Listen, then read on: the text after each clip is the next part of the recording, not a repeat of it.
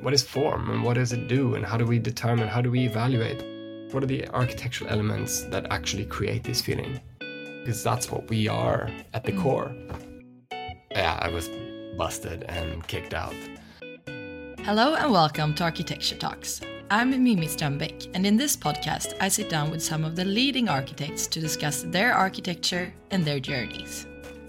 In this episode, I talk to the incredible Jesper Henriksson, with whom I've had the pleasure of working. Jesper runs the London and Oslo based firm Hesselbrand, together with Magnus Casselbrandt and Martin Brandsdal. I have known Jesper for a few years now, and he truly is one of the most inspiring and educated people that I know, and he's someone that I can talk to for hours. Jesper shares a multitude of rebellious stories, discusses how Hesselbrand started as a response to the education at AA, and outlines what he considers to be the two ways of creating a space. We also take this opportunity to discuss some of the projects on which we have collaborated. Make sure to follow Architecture Talks on Instagram, where you can see photos and drawings of the projects that we discuss in each episode. Hello, Jesper. I'm so excited about this episode and to finally have you as a guest on the podcast. How are you today? Very good. And thank you so much for having me. Very excited. It's a pleasure to hear more about your work at the moment since I actually used to work for Hesselbrand. So, what are you doing at the moment? What are your focuses? Right now, we work on a quite a large span of different things. At the moment, we're working on a, a house in south of France. We're working on a few other houses uh, here in the UK and a couple of houses in Scandinavia one of which that you were part of, which is the ski resort up in the north of Sweden. So, how do you go about these projects? Do you collaborate or do you work independently? Could you describe your process? I mean, it's of its very essence is uh, about collaboration. We always have local partners, no matter where we work. We oh, we couldn't build a house by ourselves, so wherever we go, we work with people on the on the ground. So, for example, in France, we have a local team, very skilled architects and engineers who know everything that we don't, and we work very closely with them. And that's basically how we work everywhere. Sometimes we spend more, sometimes we are able to spend less time on site, but we try as much as possible to be there in person. So, I wanted to ask you about your upbringing because I know that you have a lot of stories. Can you tell us a bit more about what environment you grew up in and the kind of life you lived there that led to all of this? Right. Well, if we start in Sweden, where I grew up, I'm from the West Coast. I grew up in a place, and I would say it's a culture of sports. It's where I think the way that we connect in Sweden largely is around sport and the kind of outdoors activities. For me, I think just to kind of connect back into how I got to where I am now, I think one of the key key points or key, let's say, turning points for me was when I started skateboarding. I think that's where really when I got in touch with, let's say, the connection between art and sport or athleticism and and design. For me, it was a hugely, it was a big realization that it wasn't just about quantifying or like say performance, but it was just as much about style. It was just about much about expression. So I think that's kind of how I started to get interested into all forms of artistic expression. Uh, with with skateboarding and those type of sports, uh, I got introduced to photography, video. It was also a lot about graphic design. So I think, obviously, you, you, you get a very different type of appreciation of space when you do a sport like that because it takes place in the middle of the urban environment. So I think that that's really where it started. Did you think about this back then, or is this something that you thought about afterwards? I mean, I think because I've been asked the question, I've tried to like track back where my interest into the arts started, and I think that's really where where it clicked for me. I've always been, let's say, drawn to these I've always been like I've always loved to draw. I've always done these things, but I think where things really started to click and where I started to find eh, interesting ways of expressing myself through the arts came through that type of kind of what I would call like art sports. So, what about the aesthetic aspect of your upbringing? Did you feel inspired by the city in general? I, I, I think growing up in Scandinavia, you you you're very lucky. You might not realize it. Uh, I think it, the full appreciation came later, but I think just growing up around good design and quality quality buildings uh, i think it just sends like heightens your sensibility towards these things now when I go back, I, I have a, I mean, it's quite incredible the the cities and the buildings that we grew up in. I think, of course, it, it had a huge impact, but but it was probably more on a kind of influence as opposed to something that really inspired, if that makes sense. Yeah, but you did decide to leave, though. You left for Copenhagen. How did that come? Yeah, so I mean, it's a kind of an interesting journey because it didn't go straight into architecture. I had, after having a flirt with every form of art, I had decided that architecture was probably the one for me. I, w- I had a friend's father who's a very good architect, had kind of guided me a lot through it, and I'd taken me in. And I, yeah, PG Hillinge. He's an architect at Sweco in Sweden.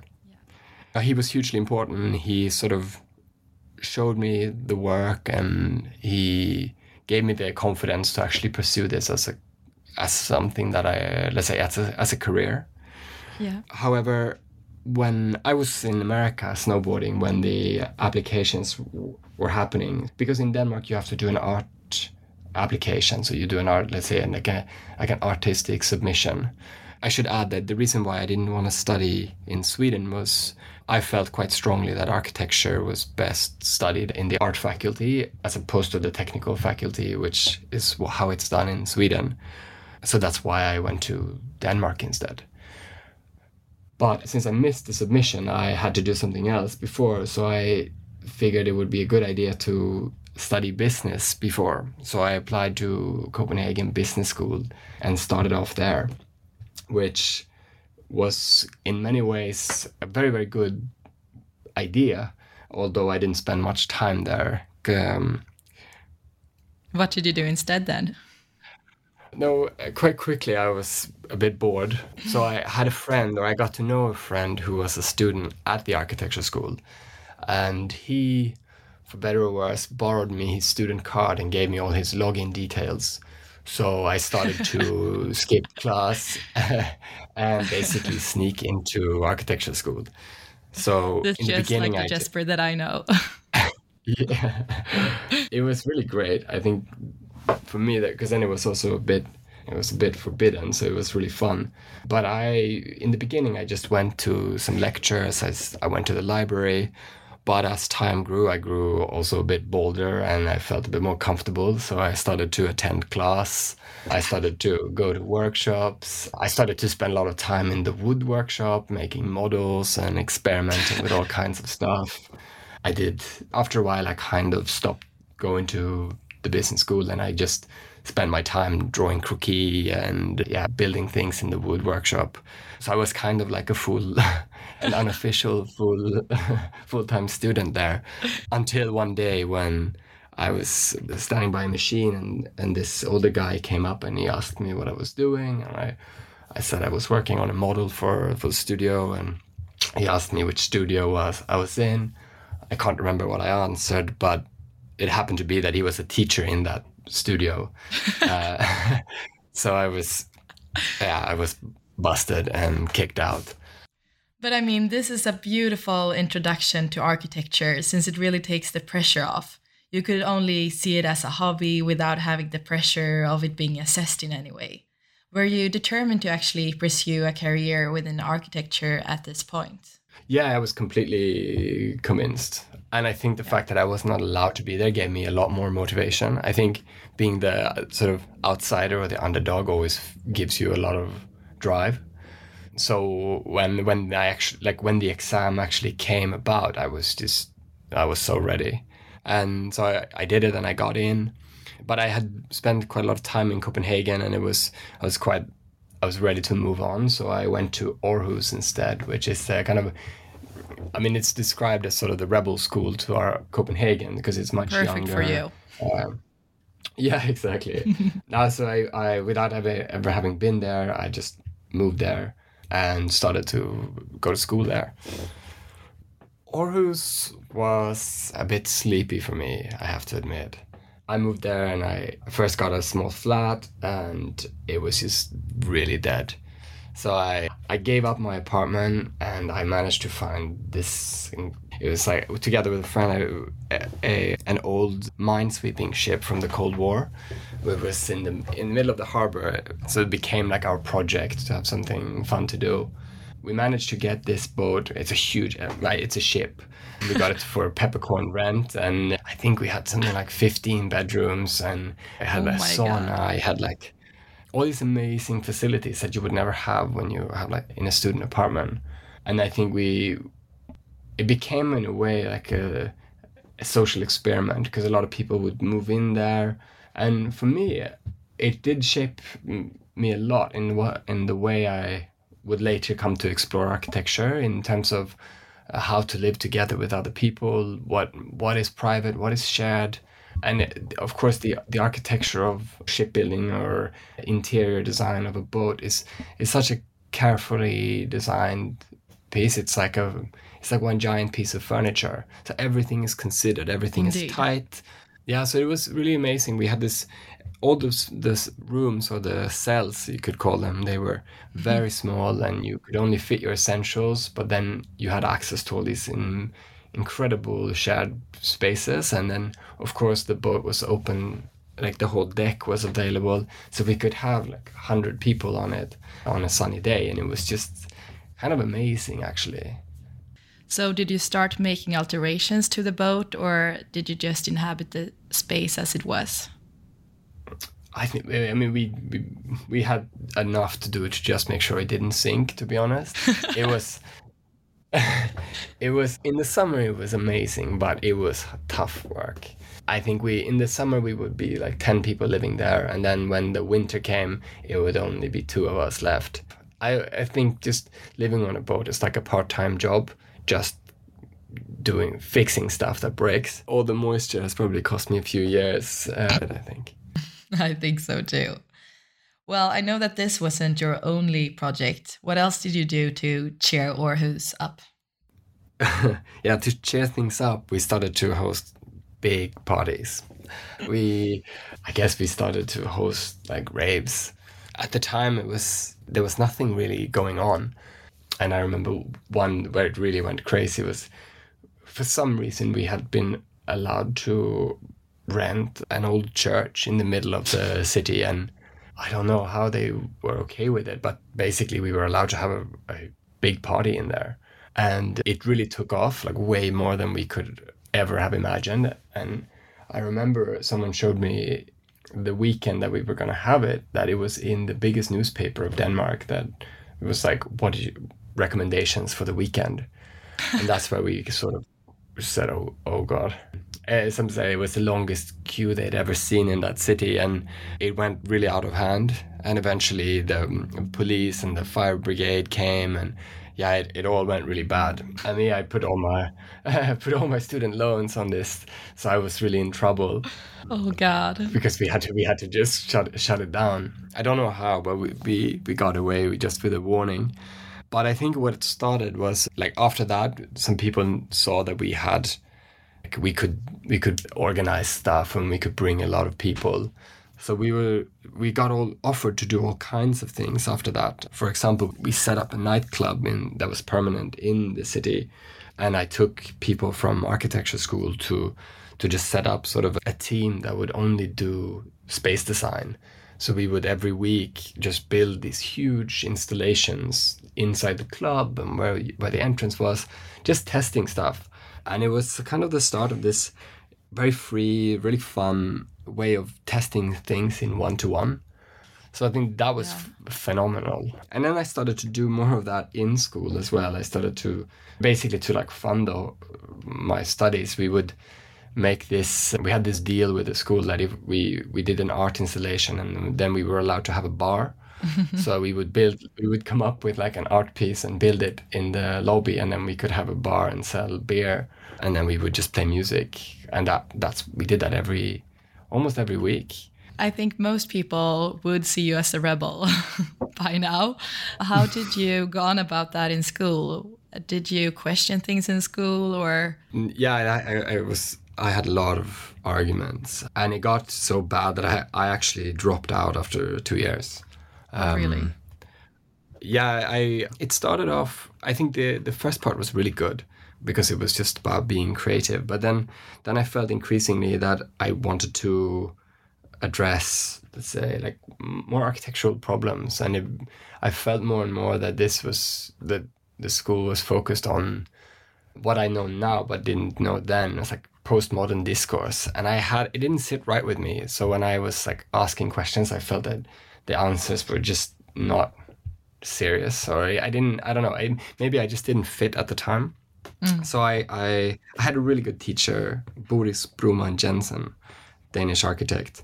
I actually said I, I'm, I think I'm going to do something else, and he then was very very good, and he convinced me to to not do that, and instead he got me a job with Bjarke Ingels in Copenhagen.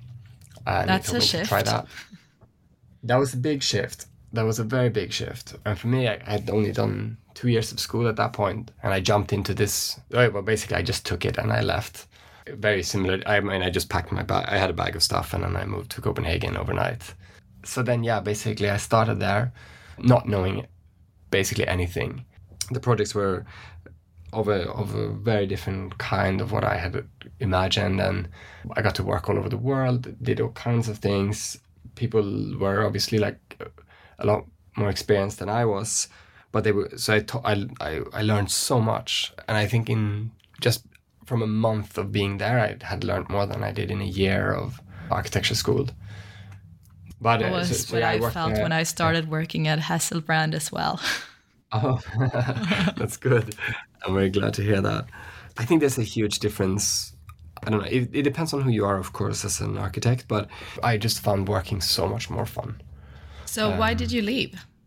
Yeah, well, I, I didn't quite understand why we were doing things. I couldn't really say why a thing should be that way or the other. And I looked and I discussed and I and I I have some great friends from that era who are fantastic architects, and we started increasingly to like discuss. Okay, well, what is this thing? What is architecture, and, and what does it all mean? What is what is form, and what does it do, and how do we determine? How do we evaluate what the work that we're doing?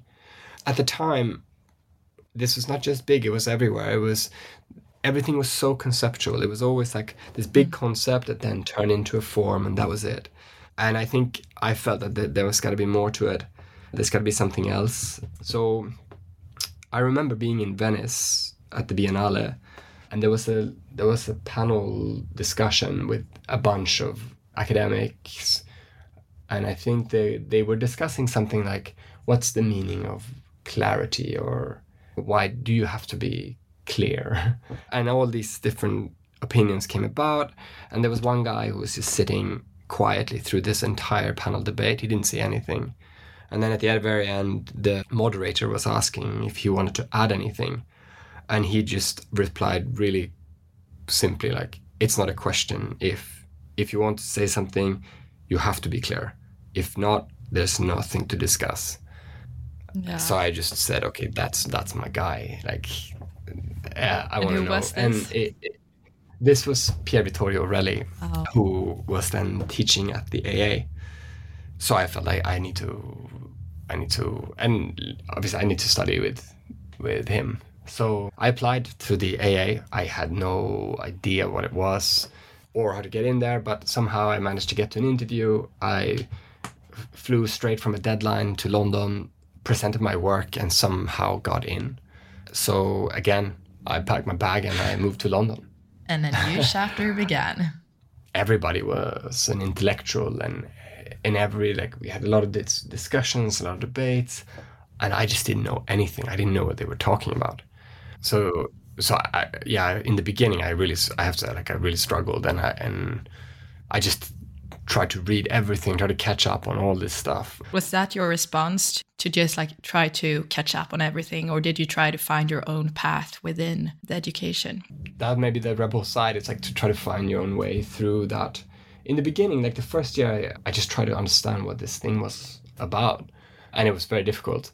But then I met, which is here's kind of the origin of Hesselbrand. I, I met Magnus and Martin, and I think they we all shared that experience, and they had just come from quite similar experiences from Tokyo and Basel, and I think also we we felt that there was like something missing because obviously the discussion was incredibly interesting. There was it was fascinating to learn about all these things. The tempo was incredible.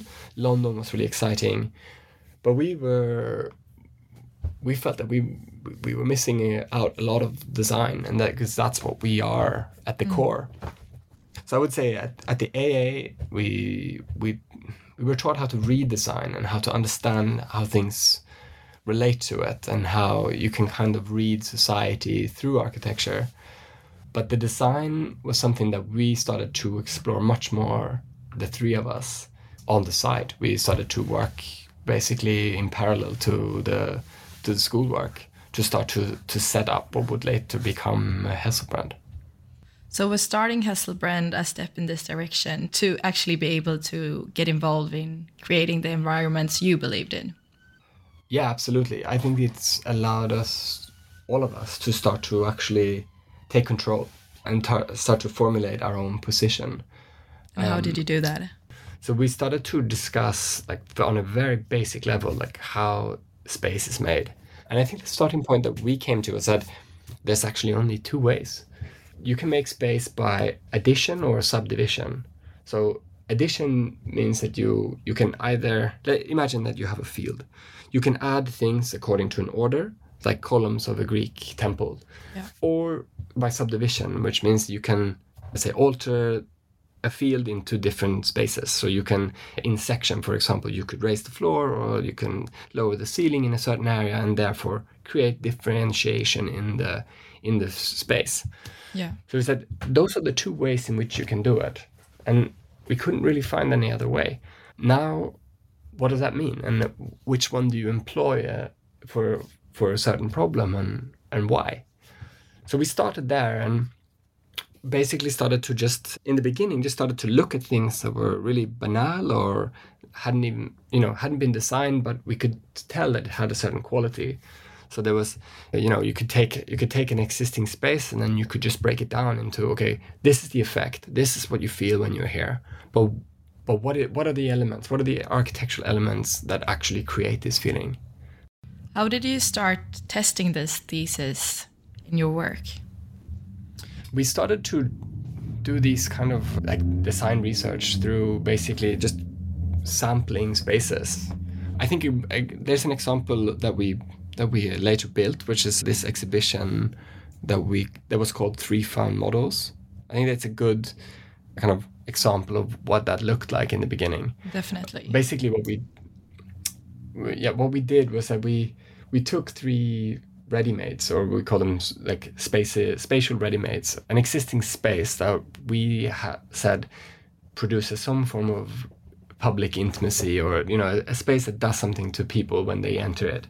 And then we just tried to break it down into a, a very tangible concept that brought that took it away from the all the symbolic or, or contextual connotation and then try to recreate it at a different scale so it kind of slowly we were starting to build up a toolbox for how to sort of create certain feelings or certain effects of architecture so in that in that exhibition we took three spaces that we had found that we thought were interesting so we took a the, the inside of a london taxi we took a, a, hotel bar that we really liked, and then the third one was a beach.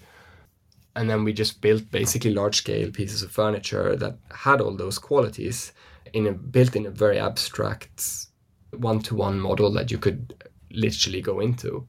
And then we, we would just observe how people would use it, and then we could see, okay, these are the things that create this effect. So, did you get the effect that you wished for? How did the visitor react to the exhibition? I mean, I think mostly no, which is also like the, the, great thing about architecture that you know you can you can plan as much as you want, but people are gonna use it differently. And I think this is the biggest lesson is like people are more flexible than buildings and people want to live differently and therefore you have to design in such a way that people can interpret we talk often about open-ended solutions or design that's open for interpretation you know so that the le- levels of privacy is something that in the people who live there can mediate there's always a dialogue between you and the space that you're in yeah i completely agree but I'm pretty sure, though, that you could actually see some patterns in the behavior of the visitor. So, if you think about it, would you say that the behavior correlated with how people behave in the specific space that you were actually mimicking? Well, let's say, let's take, for example, the beach as an example.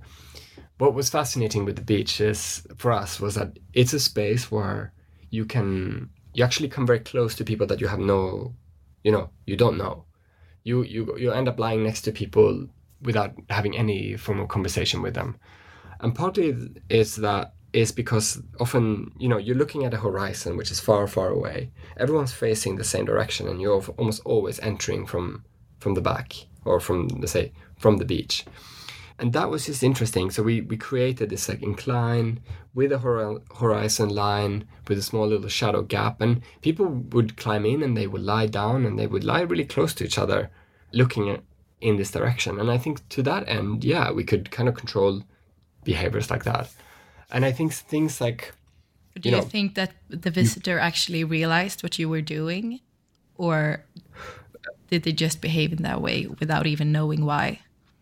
No, some did. Absolutely. I mean, we people without necessarily knowing exactly what it was. There was a little text that we had. Uh, a good friend of ours, Jack Self, he wrote almost little poetry next to each thing that would describe the, the spatial qualities. And I think we had some really interesting conversations with what people sensed and what they you know felt when they were in these little spaces.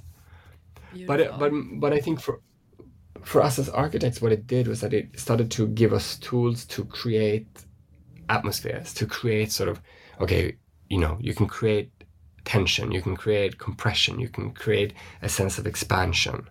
I mean, it's like, you know, when you, if you were to write a piece of music, you would, in order for, to, to ex- exaggerate something, you would have to make something very subtle right before. And it's the same way when you enter into a, you know, if you go into a big room, if you if you enter through a, a space with very low ceiling height, the expansion feels very different as opposed to going from one large room to the next. So that for us has been like hugely important to to uh, also talk talk about architecture through atmospheres as opposed to functionality or furniture. Mm. That is a concept that you actually touched upon in the home economics exhibition at the Venice Biennale as well. How did you work to translate your ideas into architecture in that exhibition? So that was like the first project that we, or first public project that we worked on from when we came out of the AA. Mm. It was it was really I mean it was very brave of the British Art Council to to let all these young people work on it. So that was that first of all that was really like it was spectacular to get that opportunity Definitely. at that being so young what we did was we were originally hired as the exhibition designers to do to build the exhibition or design and build the exhibition and we worked very closely with the curators and one of the big inspirations for this was actually Acceptera, which is a um, Swedish modernist manifesto. The way this connects is through both of them try to address the housing crisis. One is in 1930, I think, and the other one is the housing crisis that we have in the UK at the moment. Yeah. But what I was interesting with the with Acceptera was rather than presenting modernism as a sort of thing that you know that was imposed and this was something that we just had to do, Acceptera presented their manifesto through a set of prototypes, through a set of buildings that people could enter and they could go in and hopefully accept modernism, mm. if you may. And we thought that was, you know, a very nice way to go about it. So we we we made this exhibition where we basically presented conceptual ideas to look at the design of the home not through typology, not through uh, a subject, but rather through time. So it was to say, okay, what a home, what does it mean if it's a home that only exists for hours or for for days, for for months or years or decades? And how does that influence the design and what might that look like? So different architects propose different options or different solutions, which we then built as one-to-one models and we sort of stripped back almost all symbols or all references and all forms of kind of cultural connotations so that what was left was just like a very very, very bare space and the exhibition rather than well let's say a lot of architecture exhibitions are just p- pictures and text printed on a foam board and then presented. We ha- we said let's not have any text. It's let's just focus on space and let's let people see for themselves and think first and then they can read after if they're more interested. We, we designed one of the spaces that, that was called a room without functions. We were really interested in seeing if there was possible to design a home without really defining anything in terms of its functionality but purely talk about a home through the different forms of atmospheres that you would have. So that was the first time we got to really build that and then see if it if it worked. And did it work? no i can't say. It i mean it was it was good it was interesting but i mean interesting is is not necessarily good i think it was a, a really good thing to have done so that we could test it because i mean you yeah I, I think you should when you look back at your stuff you should always be a little bit i don't know. You, know you have all these ideas but when you actually build that's when you can really see. I i think i mean we t- we learned a lot and you can see it in uh, projects that follow Yeah. how the ideas are there. They're a little bit they're a bit more refined it was pretty pretty clumsy i think I mean, I was gonna say Uh, because that concept has been following along for a long time, even now. yeah yeah totally How do you work to create specific spaces that can yet be flexible? Because that's the hard thing with this, like a room without functions, but that still has to be specific in order to reach some level of architecture. Oh yeah. Well, I would say, I mean, specificity can be many things, right? Yeah. I think you can be specific about qualities that can do that can house many different things. I think it's just where you put the put the effort. Yeah. I mean, the fact that the bedroom has that name makes it almost impossible to put any other thing in there. One way that you can do it, for example, is just when you design, is to just make sure that there's more ways than one to furnish. And that in itself allows it to do something else. And then try to find qualities that are, you know, specific for that space. You often find in floor plans that rooms are, you know, in a lot of houses they have identical rooms uh, that are no different from each other, and you know they. It's not. You can do so much more, I think, with architecture. I think one one one of the things that we are working heavily on now and is to try to bring the interior and the exterior closer together. If you think of a lot of buildings that you see, they look completely different when you enter inside. And you can often if you live in an in an apartment, your building might look amazing, but your apartment has no no reference to that whatsoever.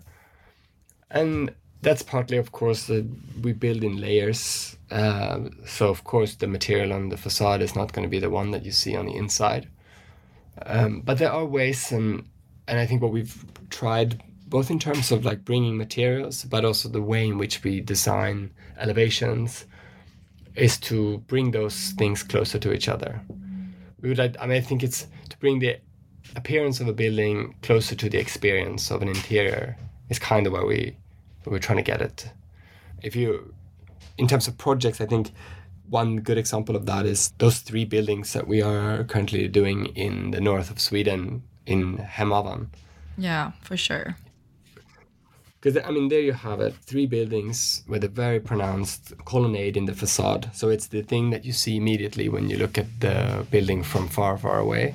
It's the thing that ties the three buildings together. But simultaneously, it's also the one thing that you see when you are in the interior. It's the the column sort of intersects into the apartment, and really, it's like you have a very intimate relationship as someone living in there to the let's say the most characteristic part of the building. Mm. And another beautiful thing about the column connecting back to the plan is how that very same column separates but also connects the two spaces in the front part of the apartment. And this provides the choice to either use it as one large space or as two separate spaces. And I remember that we worked a lot with the opening to create a spatial variation in these pretty small apartments. Can you elaborate a bit more on that? Well, I mean, one of the key things is like where you put openings into to spaces like that. In the case of these these projects, and I would think one of the the most interesting is probably the the, the pentagon shaped apartment Yeah. buildings, because the the question to ask like in in an environment like that, you need a lot of bedrooms. But can the bedrooms do more than that, or what what happens when you're not using the bedrooms? Can you still sort of let's say profit from that space or the light from that space. So what we did there was obviously we have very we, we minimized this, the amount of square meters to the to the smallest possible. But then the position of the doors and the position of the windows makes it for for a scenario where if you leave the door open, the span the space and where you're let's say when you're in the social areas, your your view sort of expands. So you get a lot more of that view than you would normally get if the bedroom would be completely closed off through a Yeah, corridor. you borrow you borrow that space in a way. Yeah, exactly. You basic in those floor plans, you basically get two more windows into your living room, which has a huge impact if you live on. I think yeah, they're like forty square meters. So those little ideas of just making sure that openings do that, I think can first of all make the bedrooms, if we call them that, also work for something else. Let's say if you want to put something else in there, you totally can. Hmm. It's not just going to be this room that you close the door and then forget about. Just leaving the door open, will you'll you'll still enjoy that. You you'll really make the most out of every bit of square meter that you have. So I think, Yeah, I, yeah, working on that compact level is is really challenging in an interesting way. Yeah, definitely. I'm actually so so proud of both of those plans and I really can't wait to actually see them in person. I'm especially looking forward to seeing the Pentagon since each apartment actually will have their unique set of views and light situations. I mean, I, I completely, I, I completely agree. I can't wait to, to when this that uh, or Hemavan is complete. I think it'd be fascinating, also just to see because there are now so many of them, to see how people choose to use them. Because that's the one thing that we can't control, right? Yeah. We were up, we went to Vemdalen when it was completed, which is the yeah another ski resort project, right? There we did the same thing, but a lot in section. Yeah. So we worked very much with the, the, the room that then has a jump in ceiling height. And I think it was really amazing to, to see that and also to hear people who were, were seeing it for the first time, like their response to it. It's, you know, it's, it's a quite simple, it's a simple move. It's not a very expensive move. It doesn't really cost much to do for anyone, mm. but the spatial effect is incredible. What also was, I think, really interesting because, as you, I mean, when we worked on the site plan, it was we we really tried to challenge what the municipality had done, which is what always happens with the cul-de-sac mm-hmm. street. That houses get lined up, basically side facade to side facade, identical, Yeah. to God, maximize we just spent as so much time on that site plan.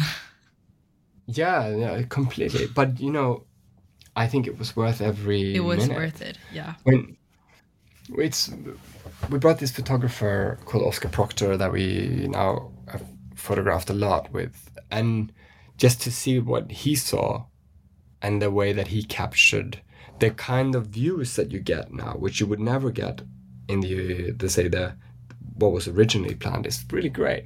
And again, again, going back to the question about let's say question or interior and exterior, you know the we put more effort, or like most of the effort is really in the side facades because that's the one that's facing your neighbor.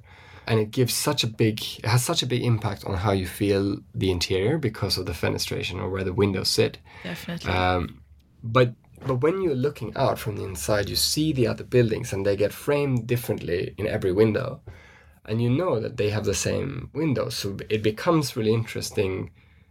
Uh, it's an interesting experience because you know that what you're looking out at is what you have or what you're inside of. That, so that that kind of relationship between the buildings, knowing that they are the same, was really, I think, yeah, it was kind of unexpected, but really, it was really interesting. And you you barely see the road exactly. which I think was maybe the biggest accomplishment. Like That's, you don't yeah. even everything is set after this this road, but you don't feel it when you're there, and I think that's really great. And you can, you know, now you'll be able to ski between the houses. It feels more like a, a hill, or that all these houses yeah. have settled on, and they have they all relate to each other in one way or another. We're coming to the end of the interview, but I aim to create a little mapping of architectural highlights over the world. What are the buildings yeah. that you want to add, both in London and anywhere in the world? Oh wow! Okay. You can only pick one. one in London and only one in the world. Yeah. Otherwise, you'll talk for ages. Yeah, yeah, no, you're right. I think in London, I would say go to John Soane Museum. Oh, really? That's what Michael said as well. Oh, did it? Yeah. Yeah, I think it's just it's just a magical place and a completely mad, mad idea. It, but it just it's so creative and it's just so. What do you see yeah, in that it's, project? It's really. I mean, so we work a lot on these what's called the London Terraced House, which is the the the key buildings element of London, uh, which basically makes up the the majority of the city. And these houses have a they're, they're built from two party walls. They have a, a staircase and a front and back room, which then goes over several several floors at different scales. But it has a DNA that is identical across the whole city, no matter from the biggest houses in West London to the worker, like or let's say small former workers' housing in East London. They all have the same formula, and it's we've worked on many of them and we always try to like find ways to to to rejig or to reconceptualize it a little bit or to, you know try to challenge a little bit the what it can do but John Soane completely transformed it it's just it has spaces that no other house in london has and i think it's an incredible achievement amazing so actually i said that we were in the end of the interview but i just want to I just want you to explain the core house quickly because talking about yeah. the terraced house. We can't let that slip. No, okay, okay. so yeah, Core House is kind of a model that we that we have developed for a, what we call a logical family home. One of the things that we have looked a lot at is like how the how the how the family home has been designed over over time and now we feel that this idea of basing it on a nuclear family is probably not very a very good description or a very good measure anymore so we started to use this term called the logical family and looking at a much looser definition of what constitutes a family i mean you'll see it wherever you when you go around the world that this the family structure is vastly different, whether it being an intergenerational family, whether it being an el- uh, say two elderly friends who live together, or a set of students. It might be friends who who also started a company and they live and work in the same house. All of these different things can fall under a category that we would refer to as a logical family. And the question that we have asked is like, okay, how can we design for such a loose subject where the needs and the requirements are so vastly different.